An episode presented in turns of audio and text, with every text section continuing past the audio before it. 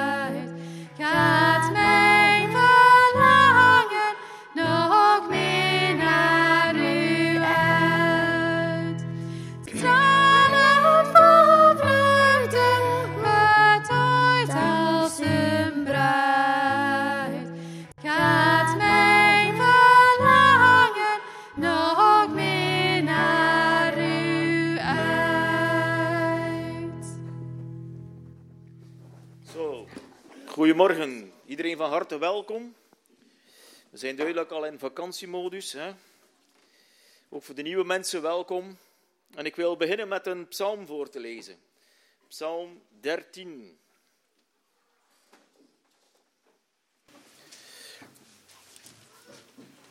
Psalm 13. Een vast vertrouwen op God staat er. Een psalm van David voor de koorleider.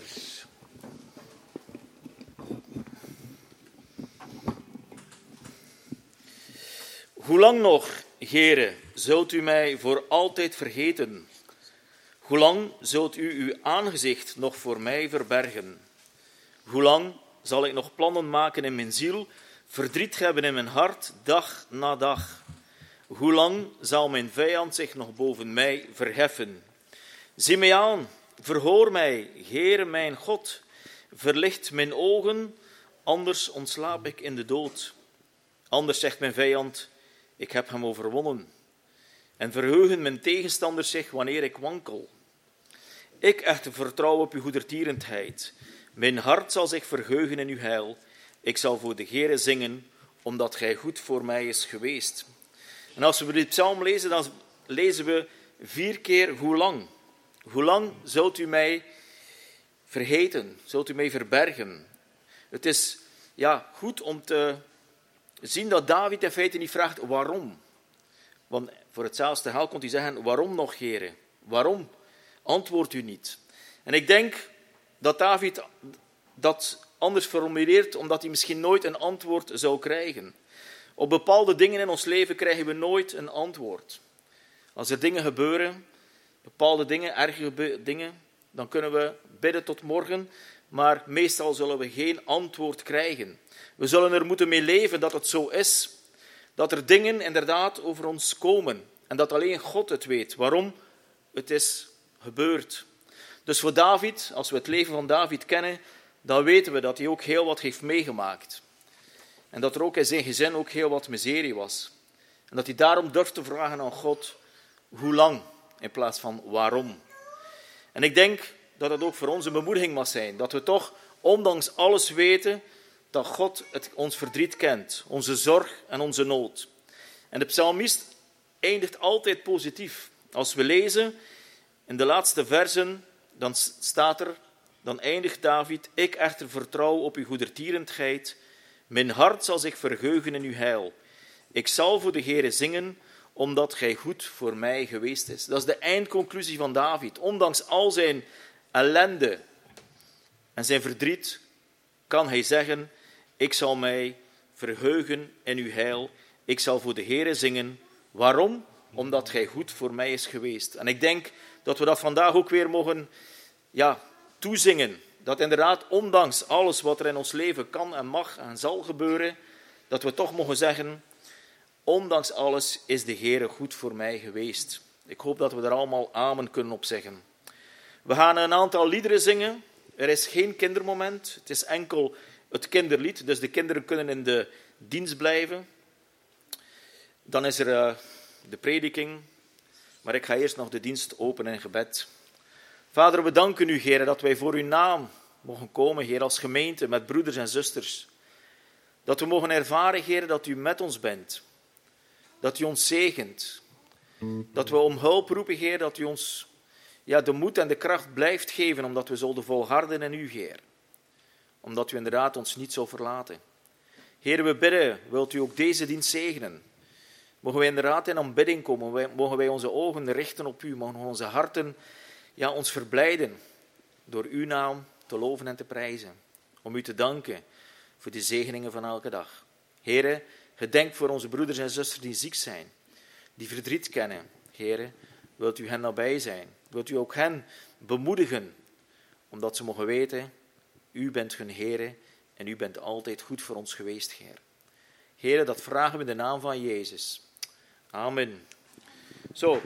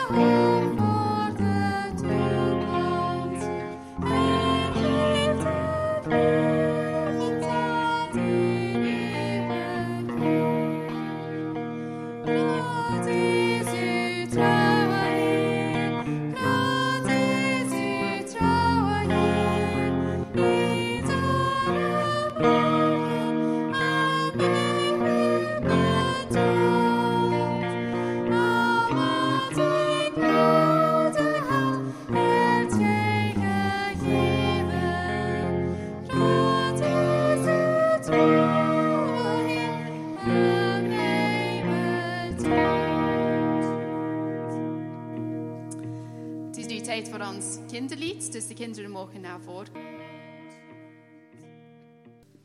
Het is de laatste zondag van de maand, dus het is, de laatste keer dat we dit lied gaan zingen. Ik ben gewoon zo vrolijk. We zijn met niet zoveel van morgen. Ah, kijk, we hebben toch versterking van nog een meisje, dat is leuk.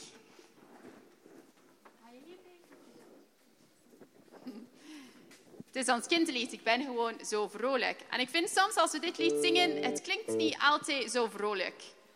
Dus we gaan deze keer, het is onze laatste keer, dus we gaan proberen luid te zingen en ook met een glimlach. Dat zal een vers- verschil maken, hè? Het zal een beetje vrolijker zijn als we een glimlach op ons gezicht hebben, ja? Gaan we dat proberen? Ja? Een beetje vrolijk te zingen? Ja, het gaat ons lukken, hè? Ja. Thank you.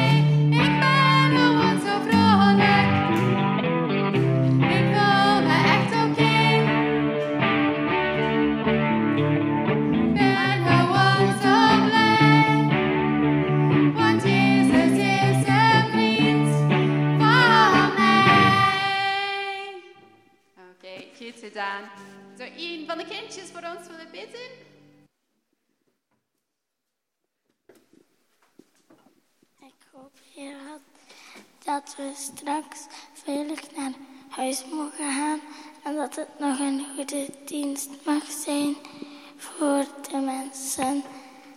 Amen. Ah ja, oké. Dus de kindjes mogen wel naar de zondagschool gaan. Oké, we gaan samen nog een paar liederen zingen.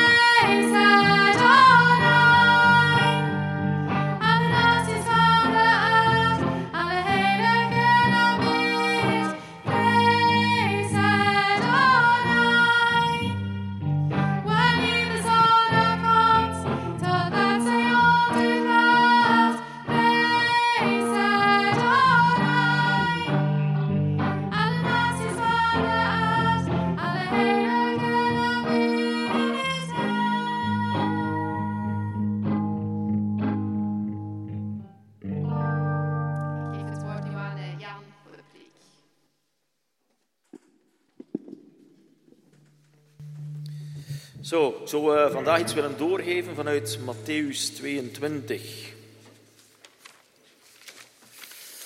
Matthäus 22.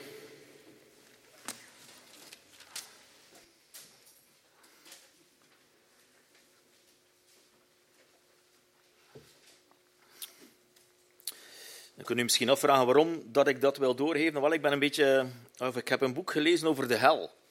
Als we eerlijk zijn, dan spreken we niet zoveel hier in de kerk over de hel. Maar als we de Bijbel lezen, dan zien we dat Jezus daar heel serieus over spreekt. En hier is het ergens in de, in de koninklijke bruiloft, ergens een uitnodiging tot Jezus, maar ook ergens een oordeel van mensen als je niet komt, ja, dan is het oordeel klaar. En voor ons is dat soms heel moeilijk om te begrijpen, de liefhebbende God en de hel. Maar er zijn dingen die waar zijn. En ik denk als we onszelf misschien onderzoeken dat we ja, misschien ook de hel minimaliseren. Ik weet niet hoe jullie daarover denken. Maar als we lezen wat de Bijbel schrijft over wat de hel zal zijn, zoals het hier staat, daar zal gejammer zijn en tandengeknars.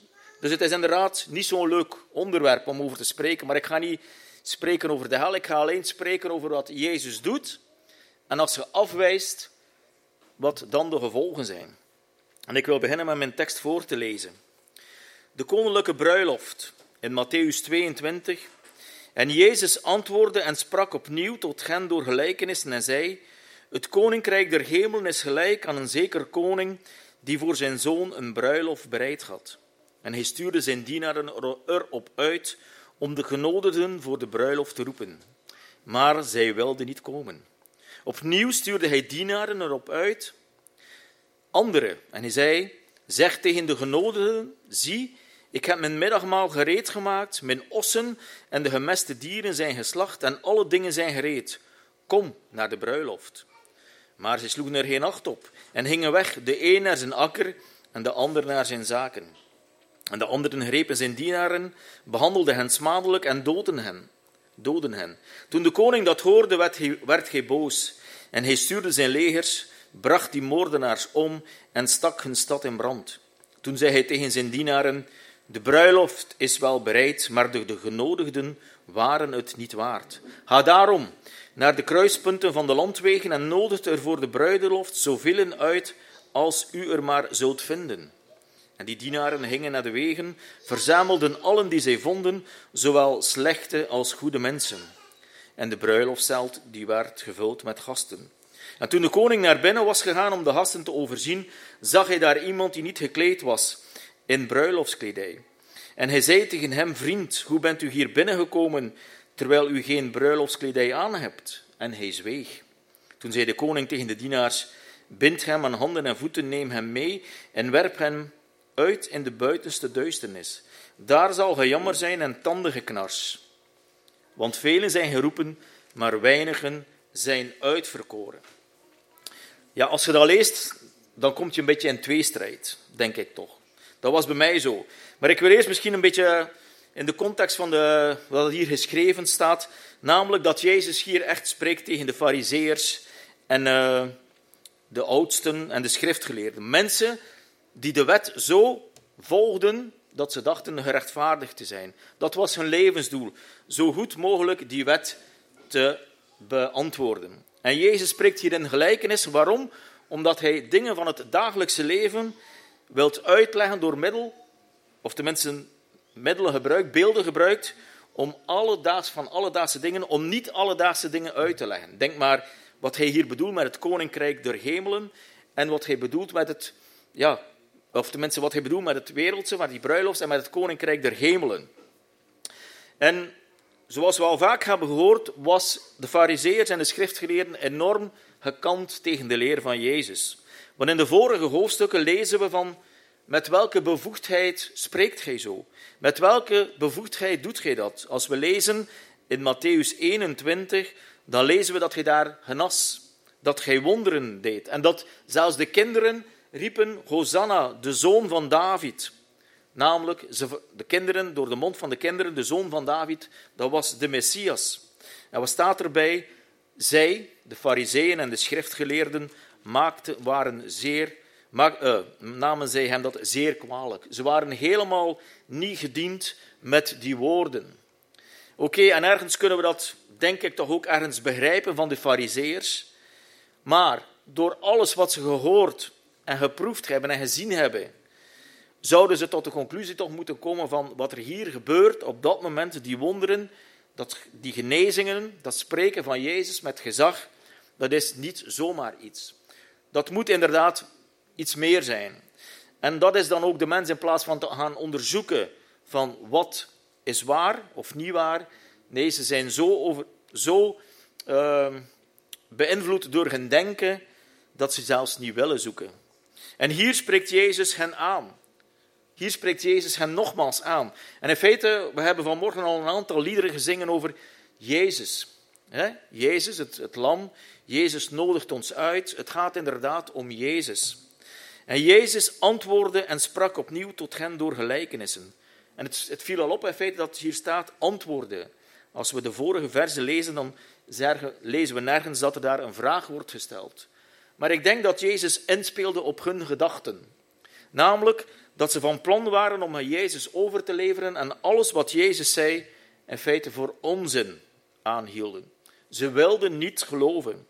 En daarom spreekt Jezus door gelijkenissen om mensenharten aan te raken. En ik denk dat het hier ook weer iets heel moois is. Hij spreekt hier namelijk tegen de Joden.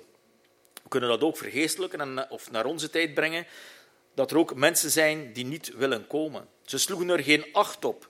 Ze wilden niet komen. En ik denk, als we het verhaal een beetje volgen, dat het toch wel een eer is hè, om door een koning uitgenodigd te worden naar een bruiloft. Ik denk, als we de, eerste verse lezen, dat het de genodigden, en dat slaat dan misschien wel op het volk Israël, die, dat ze niet wilden komen. Ze hadden geen oren naar de uitnodiging om naar de bruiloft te komen. Zij wilden niet komen.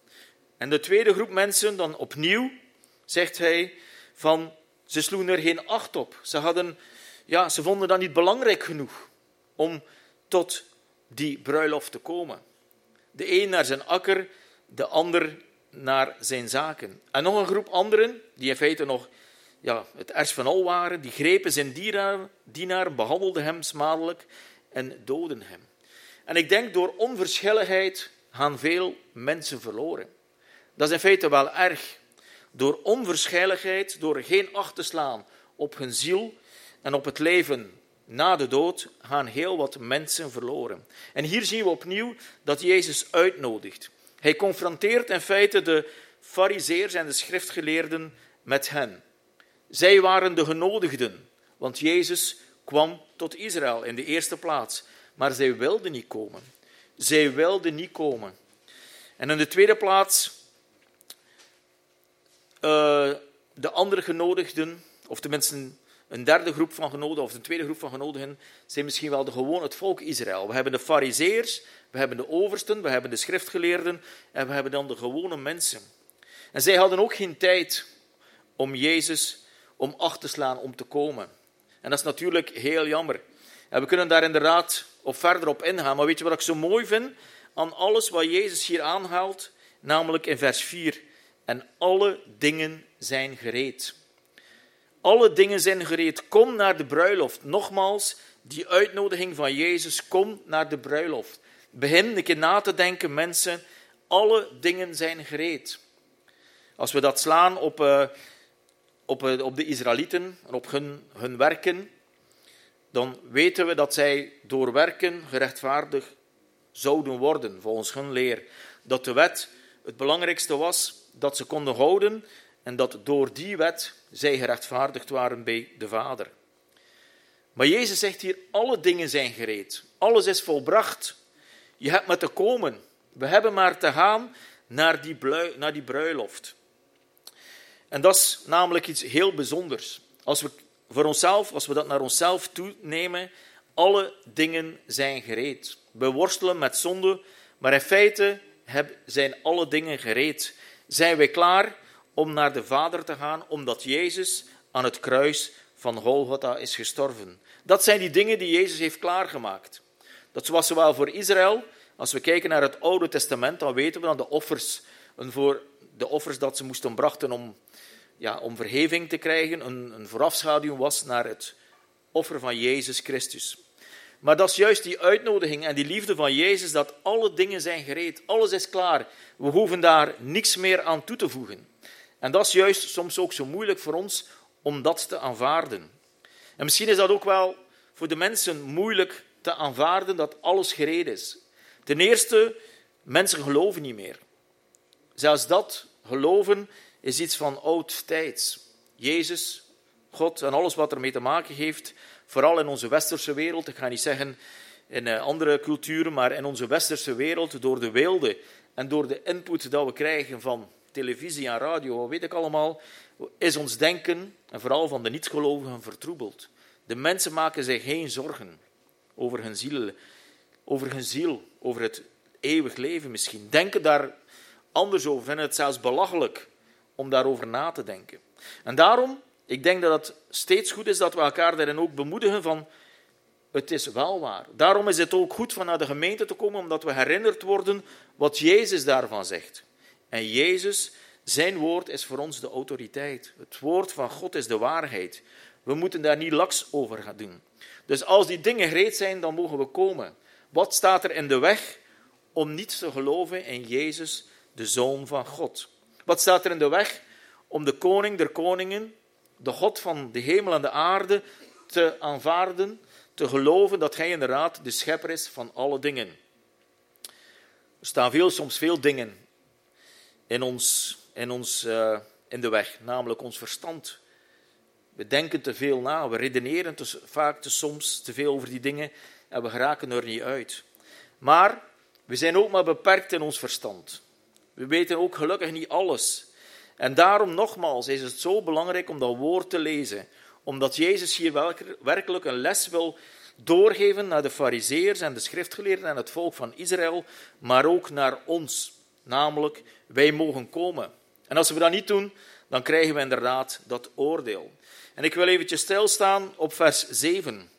Toen de koning dat hoorde, werd hij boos en hij stuurde zijn legers bracht die moordenaars om en stak hun, stad in brand. En als ik een beetje, natuurlijk, ik zoek ook een beetje op, want ik weet niet alles, gelukkig, dan slaat dat in feite op de verwoesting van Jeruzalem in het jaar 70, 80, 90 na Christus. Dus hier was er al in feite een profetie uitgesproken, die in feite niet echt een profetie was, of niet, misschien niet de bedoeling was. En ook de fariseërs en de schriftgeleerden zullen het ook niet begrepen hebben. Maar wat er werkelijk is gebeurd, is dat er in het jaar, ik denk dat 70 na Christus was, de Romeinen werkelijk de stad uh, Jeruzalem en het land hebben uh, verdeeld, of ja, of in brand gestoken. En misschien was dat ook waar ergens een oordeel van de Here. En dat is juist zo moeilijk. Aan de andere kant horen we dat God liefde is en goed is, zoals we ook hebben gelezen in de psalmen. En aan de andere kant is hij ook, wordt de toorn van God hier duidelijk zichtbaar. Maar dat zijn dingen die ik voor mezelf ook zo moeilijk aanvaarden kan, maar het is wel zo. Of moeilijk begrijpen, ik kan niet zeggen aanvaarden, het is gewoon moeilijk te begrijpen. En dan gaat hij verder. Dan zegt hij tegen zijn dienaren: De bruiloft is wel bereid, maar de genodigden waren niet, het niet waard. Met andere woorden, de bruiloft is wel bereid. De mensen, de hemel is klaar. Maar mensen moeten kiezen. Ze waren het niet waard, ze vonden het de moeite niet waard om te luisteren naar dat woord van God. Daarom Ga buiten Israël om. Ga daarom naar de kruispunten van de landwegen en nodigt er voor de bruiloft zoveel in uit als u er maar zult vinden. Jezus, het woord van God is begonnen met Israël. Dat mogen we nooit vergeten. Zij waren de uitverkoren. Zij hebben de wet ontvangen. Zij hebben machtige dingen gezien door Gods genade. God is begonnen met dat volk. En hier lezen we dat ze ondanks alles ergens verworpen worden tot een bepaalde tijd. En het evangelie komt dan tot ons, tot de niet-Jood, ja, de, niet de christenen, de Grieken en iedereen die zich geen Jood moet noemen. Ga daarom naar de kruispunten en nodigt eruit als u maar zult vinden. En de dienaren gingen naar de wegen, verzamelden allen die ze vonden, zowel goede en slechte mensen, en de bruiloftszaal werd gevuld. Ik denk dat hier nogmaals duidelijk wordt dat Jezus zegt van kijk, als jullie niet willen komen, dan roep ik anderen.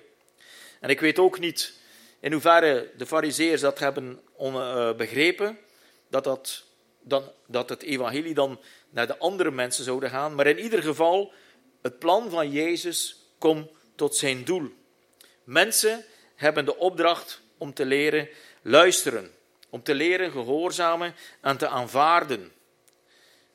Want de keuze is anders heel erg. En dan zien we dat de koning naar binnen was gegaan om de gasten te overzien. Zag hij daar iemand die niet gekleed was in een bruiloftskledij. En hij zei tegen hem: Vriend, hoe bent u hier binnengekomen terwijl u geen bruiloftskledij aan hebt? En hij zweeg. Met andere woorden, als je binnen zijt, dan is het nog niet allemaal alles. Want die bruiloftskledij die gegeven werd, want blijkbaar staat er niet bij dat ze dat mochten kopen, het was iets dat ze kregen, werd dat gegeven. En er was daar iemand binnengekomen uh, die dat niet aangad. En dat is natuurlijk wel een beetje moeilijk om te, om te verstaan, maar als we de commentaren lezen, dan spreekt dat van gerechtigheid. Mensen die Jezus aannemen aannemen, mogen bekleed zijn met de mantel door gerechtigheid, zijn gerechtvaardigd door het geloof in Christus Jezus.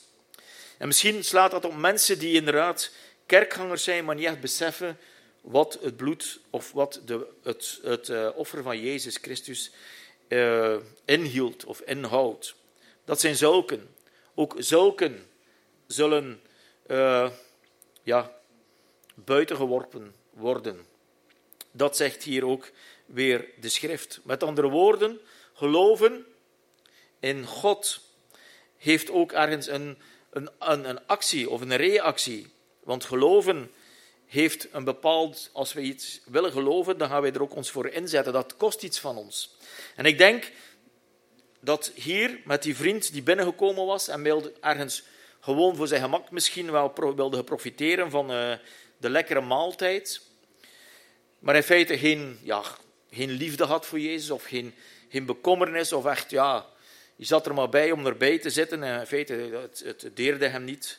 dat zulke mensen ook worden geoordeeld. Het gaat werkelijk om ons geloofsleven, om ons innerlijke, die naar Jezus mag uitgaan. Zulken zoekt Jezus. En wij hoeven daar in feite niks voor te doen. En dat is juist zo het wonderbaarlijke aan dat geloof van ons. We denken dat zonde, en vaak is het zo dat zonde ons in de weg staat voor bepaalde dingen. Als we eerlijk zijn met onszelf, dan voelen we ons vaak ook doorslecht. En dan hebben we ook misschien niet de kracht en de moed om terug te keren tot Jezus. Maar als we juist ervaren en weten dat ondanks alles Jezus voor onze zonden is gestorven, welke soort zonde dan ook, dan zijn we in feite verheugd om naar Jezus te gaan. En ik denk dat dat juist het verschil is met die man die binnengekomen was, omdat hij geen vreugde had en niet besefte in welke toestand dat hij daar binnen was gekomen. Mensen beseffen niet wat zonde is als je niet door de Heilige Geest daarvan overtuigd wordt. En dat is een werk van de Heilige Geest. Als we dat ervaren, dan speelt de hel in feite voor ons geen rol. Dat is voor de mensen die inderdaad niet geloven. En dat is het wonderbare van het geloofsleven. Zijn we inderdaad geraakt door die woorden van Jezus, namelijk dat we mogen beseffen, ondanks alles, en ik denk nogmaals dat David daarvan een mooi voorbeeld was, een man die God vertrouwde, die niet onbesproken was, maar die ondanks alles toch zijn God lief had en hem prees. En dat God ook die liefde beantwoordt door hem te zegenen, door hem te bewaren, door hem inderdaad die vreugde te scheppen in zijn hart van dat hij koning was. En dan komen we in feite aan het laatste vers, die in feite wel, misschien wel te weinig wordt aangehaald in onze christelijke wereld. Toen zei de koning tegen de dienaars: Bind hem aan handen en voeten, neem hem mee en werp hem uit de buitenste duisternis. Daar zal jammer, gejammer zijn en tandengeknars. Want velen zijn geroepen, maar weinigen zijn uitverkoren. Als we eerlijk zijn, dan lezen we er niet zoveel. Dan spreken we daar ook niet zoveel over. En ik vind het ook al moeilijk, als ik al spreek of geëvangeliseerd, om te zeggen van als je niet gelooft, dat je naar de hel gaat. Dat klinkt zo sprookjesachtig, als ik het nu in mijn eigen denken soms benadert. En toch zegt Jezus dat het zo zal zijn. Er wordt in het evangelie heel wat aangehaald over die dingen. Vele malen haalt Jezus aan dat er tanden zal zijn en gejammer. Ik weet niet hoeveel keer dat erop staat, ik heb het ook niet niet opgezocht, maar het is niet die ene vers. Verschillende malen haalt Jezus dat aan. En ik denk dat het uit, omdat de mensen, dat hij dat aanhaalt, omdat we zouden nadenken van het is het een of het ander. En Charles Spurgeon, dat was een gekende spreker 100 jaar geleden, zei dat het schokkend is om eraan te denken dat een weersverandering meer invloed op het leven van sommige mensen heeft dan de angstaanjagende keuze tussen hemel en hel. En dat is inderdaad wel zo. Mensen zijn, ja, zijn humeurig, inderdaad. We hebben nu inderdaad geen prachtige zomer. Op de andere kant is het goed voor het land. Maar echt warm en genieten is het niet. En mensen kunnen daardoor humeurig zijn. Ze maken zich zorgen over de dingen van alle dagen. Maar we denken niet verder. We denken niet verder hoe het na het leven, na de dood zal zijn. En in tegendeel, als we eerlijk zijn, dan als we naar de televisie kijken, als we mensen horen spreken, dan worden nog beïnvloed en dan lachen ze dat allemaal weg. En ik heb het al gezegd, ik, was, uh, ik luister graag naar die theoloog. Uh, wat? Uh, luister graag is ook wel misschien niet het juiste woord. Etienne Vermeers. Niet omdat hij zo mooie dingen zei, maar gewoon omdat die man dacht en het geloof en feite iedere keer aanviel. En dat minimaliseerde tot helemaal niets, dat het voor hem helemaal niet bestond. Hij was daar zo van overtuigd. En hij had natuurlijk de mensen van de wereld ook enorm veel bijval. Want, moet eerlijk zeggen, hij is wel een beetje in de hemel geprezen, met andere woorden, door zijn uitspraken. Hij is natuurlijk wel gestorven, maar vroeger kwam hij regelmatig op televisie. Waren er debatten met hem. Allemaal om maar te bewijzen dat er geen God was. En misschien is dat ook waar ergens het geweten van de mens dat, we willen, dat ze willen toestompen van als er geen God is, moeten we niet kiezen. Moeten we ons niet gedragen, mogen we doen wat we willen en hebben we bepaalde vrijheid. En die vrijheid van vandaag is duidelijk zichtbaar. Hoeveel mensen zijn niet gebonden en hoeveel mensen zitten niet in de psychiatrie omdat ze zich zo vrij voelen. Er is zoveel, vooral in onze westerse wereld, geklaag en gejammer. Er zijn zoveel mensen die ja, depressief zijn of die antidepressiva's moeten nemen. Niet dat dat verkeerd is, maar hun, ja, omdat ze ergens geen houvast hebben, geen vertrouwen en geen zekerheid hebben. Omdat ze vrij zijn en dan ondanks die vrijheid gebonden zijn door henzelf. Dus de hel is iets wat ook na de wereldoorlog, de Tweede Wereldoorlog, een beetje in de ja, vergeten is in het spreken. Omdat we vroeger, als we, dat was iets dat ik opgezocht heb, dat vroeger van die helle, van die helle preken was. Hè? Van als je niet bekeert, dan ga je naar de hel. En natuurlijk is dat ook zo. En dat, en dat kan mensen misschien wel overtuigen om inderdaad te kiezen voor de hel, uh, voor, de, voor het geloof, om niet naar de hel te gaan. Maar waar is dan de liefde voor Jezus? Ik heb dat ook al zo vaak gezegd. Als ik moest vandaag weten dat er geen hel is, zou ik vandaag nog geloven. Als ik weet dat ik na de dood dat er niets meer is, zou ik dan nog geloven. Ik heb dat al gezegd en ik zeg volmondig ja. Omdat het mij kracht geeft in dit leven, omdat het mij zekerheid geeft en omdat het voor mezelf een goede keuze is dat ik weet dat ondanks dat ik geloof, mij begoed van vele dingen, van kwade dingen. Daarom geloof ik. Maar op de andere kant is het ook zo, wie gelooft, die heeft eeuwig leven. Die komt niet in de hel. En dat is het mooie van heel het evangelie. Het mooie van het evangelie. Natuurlijk, we kunnen dan gaan vragen hoe is dat allemaal ontstaan. En ik hoop dat we weten hoe dat allemaal is ontstaan. Was dat de bedoeling van God dat er een hemel of een hel was? Als we denken aan, aan de schepping, dat God zei tot zesmaal toe, het is goed. In het paradijs, het is goed. Het is prachtig. En toch zien we dat door opstand van de duivel alles om zeep is geworden. Was het de bedoeling dat God de hel maakte? Ik denk het niet. Maar door en dat is ook weer, want God weet alles. Dat zijn dingen waar ik ook geen antwoord op geef, weet. Maar God heeft ons wel die keuze gelaten om te kiezen. En veel mensen kiezen niet. En die gaan verloren zonder dat ze het zelf weten. Gelukkig hebben we een rechtvaardige God die heel rechtvaardig zal oordelen. En ik wil nog afsluiten met een tekst. En die tekst haal ik dikwijls aan. Maar ik lees nooit verder. En ik wil die tekst helemaal doorlezen. En misschien, we kennen allemaal die tekst van Johannes 3, vers 16.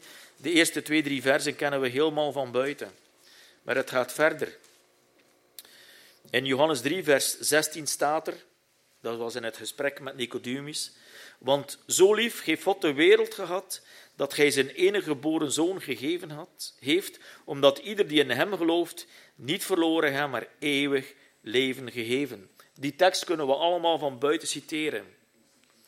God geeft zijn zoon. De liefde van Jezus, de liefde van God naar ons mensen toe, komt door Jezus Christus, die ons vergeving van zonde heeft. Maar de tekst gaat verder. Want, zegt hij, want God heeft zijn zoon niet in de wereld gezonden, omdat hij de wereld zou veroordelen, maar omdat de wereld door hem behouden zou worden. Nogmaals een uitnodiging naar alle mensen van wie gelooft, die wordt behouden. Wie in hem gelooft, wordt niet veroordeeld, maar wie niet gelooft, is al veroordeeld omdat hij niet geloofd heeft in de naam van de enige geboren Zoon van God. En daar draait het om. Daar draait het om. God heeft zoveel genade en zoveel liefde naar de mensen toe dat hij zijn enige geboren Zoon heeft gegeven, of met andere woorden ook een deel van zichzelf, als verlossing en als redding uit de hel, dat enkel geloof in hem ons rechtvaardigt, dat velen dat niet willen geloven. En dan spreekt God verder, of Jezus. En dit is het oordeel, dat het licht in de wereld gekomen is en de mensen hebben de duisternis lief gehad, meer dan het licht, want hun werken waren slecht. Met andere woorden, het oordeel komt als Jezus zegt van hier is alles, je hebt maar. Hebt maar. Het geloof is een kleine last, of is geen last. Geloof het, het is de waarheid. Kom en u zal behouden worden. dan zien we dat de mensen dat inderdaad niet kunnen, op de een of andere manier. Want ieder die kwaad doet, haat het licht en komt niet tot het licht, omdat zijn werken niet ontmaskerd worden. Maar wie de waarheid doet, komt tot het licht, omdat van zijn werken, omdat van zijn werken openbaar wordt dat ze in God gedaan zijn. Met andere woorden, hier zien we nogmaals dat God duidelijk aanhaalt van wie gelooft, we hoeven niet bang te zijn van de hel, maar wie niet gelooft, die is al geoordeeld. Wie of wat het ook mag zijn. Wie niet gelooft in de Zoon van God, in Jezus Christus, die is reeds geoordeeld. Dan kunnen we ons natuurlijk de vraag stellen aan al die mensen buiten die in andere godsdiensten geloven. Hoe gaat dat dan in zijn werk gaan? Weet je wat, ik weet dat ook niet en ik hoef daar ook niet over na te denken. Ik denk, God is rechtvaardig en die weet wat gij doet. God weet wat gij doet. Maar het is voor ons dikwijls al moeilijk om onze eigen kinderen te overtuigen van dat geloof, van die zekerheid, van die hoop en vooral van die waarheid. Want het is de waarheid. God heeft zijn boek gegeven, de Bijbel, omdat we inderdaad zouden geloven. En omdat het inderdaad zo is gegaan. De wereld is gemaakt door God, niet door een oerknal of wat dan ook. En dat is wat wij mogen geloven en ons in feite tot besef doen komen dat we inderdaad mogen wandelen in dat licht en dat we door Hem behouden zijn. En God, Jezus zegt het nogmaals, het wordt hier nogmaals aangehaald, dat God in feite liefde is. Want zo lief heeft God de wereld gehad dat Hij zijn enige geboren zoon gegeven heeft, omdat ieder die in Hem gelooft niet verloren gaat, maar eeuwig leven hebben. Hier spreekt God van liefde. En iedereen is inderdaad, we hebben een vrije keuze. En die vrije keuze mag inderdaad uitgaan naar zowel voorgeloof of tegengeloof. Dat is ieders verantwoordelijkheid. Maar het doet niet tekort aan Gods liefde. Want alles staat open. Wij hebben het maar te aanvaarden. En ik denk dat het ook zo belangrijk is dat we daarom de Bijbel lezen. Dat we daarom samenkomsten bezoeken. Dat we daarom in gemeenschap zijn met anderen. Omdat ons denkbeeld of tenminste ja, ons denkbeeld van bepaalde dingen en ook de invloed van de wereld ons gezicht of ons geloofsleven niet vertroebelt. Of omdat we door omstandigheden of door lijden ook ons geloof niet daardoor zouden verliezen. We moeten stand houden en we mogen weten dat Jezus ons lief geeft. Ik wil nog afsluiten in gebed. Vader, we danken u, Heer, dat wij de genade van God mogen ervaren in ons leven. En misschien ervaren we dat allemaal anders, Heren. Maar door uw Heilige Geest weten we dat Jezus inderdaad het lam is dat de zonde der wereld wegneemt. Vader, wilt u ons helpen om stand te houden? Wilt u ons door uw Heilige Geest ook verder leren en bevestigen? En mogen wij ook al inderdaad een getuigenis afgeven van dit feit? En wilt u ons helpen als we spreken tegen anderen om met kracht te spreken, heren? Omdat uw woord de waarheid is. Wilt u ons daarbij helpen? Wilt u ons daarbij sterken, ons bemoedigen? Omdat we weten, Heer, dat we vaak zo zwak zijn in die dingen. Maar uw woord is de waarheid. Uw woord spreekt de waarheid. En u bent de waarheid. Vader, dank u wel voor elke dag dat we mogen zien, horen en leven in u. Heer, dank u wel dat we ook vanmorgen weer mochten samenkomen. Dank u wel dat u onze God en Vader bent. Dank u wel dat u inderdaad liefde bent. En dat u ook die liefde beantwoordt. Heren, we hebben zoveel reden om u te danken. In de naam van Jezus mogen wij dat vragen. Amen. Zo, ik denk dat we nu nog een lied zingen.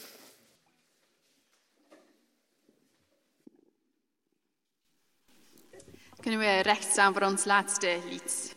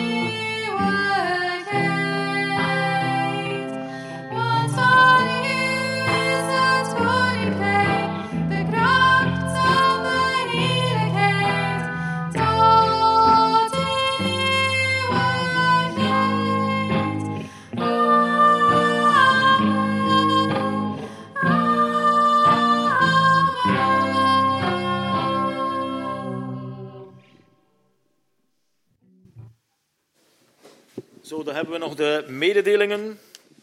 De eerste ligt hier een bos sleutels vooraan. Ik weet niet van wie dat is. Magda heeft dat gevonden. Ik weet niet of het van ons is. kan ook van uh, de vorige, van de Romeinse kerk zijn. In ieder geval, als er iemand sleutels kwijt is. Dan hebben we morgen bidstonden om uh, 19.30 uur in de kerk.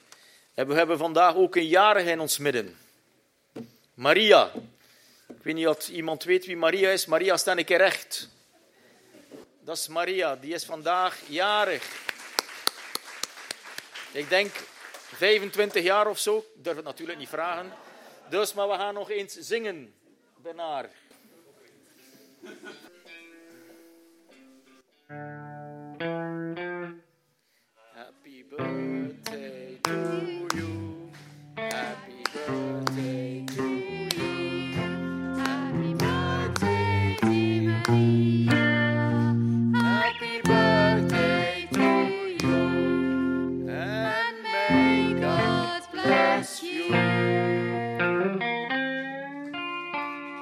Proficiat. Allee, nog een fijne zondag. Er is blijkbaar geen koffie, dus uh, het zal water zijn.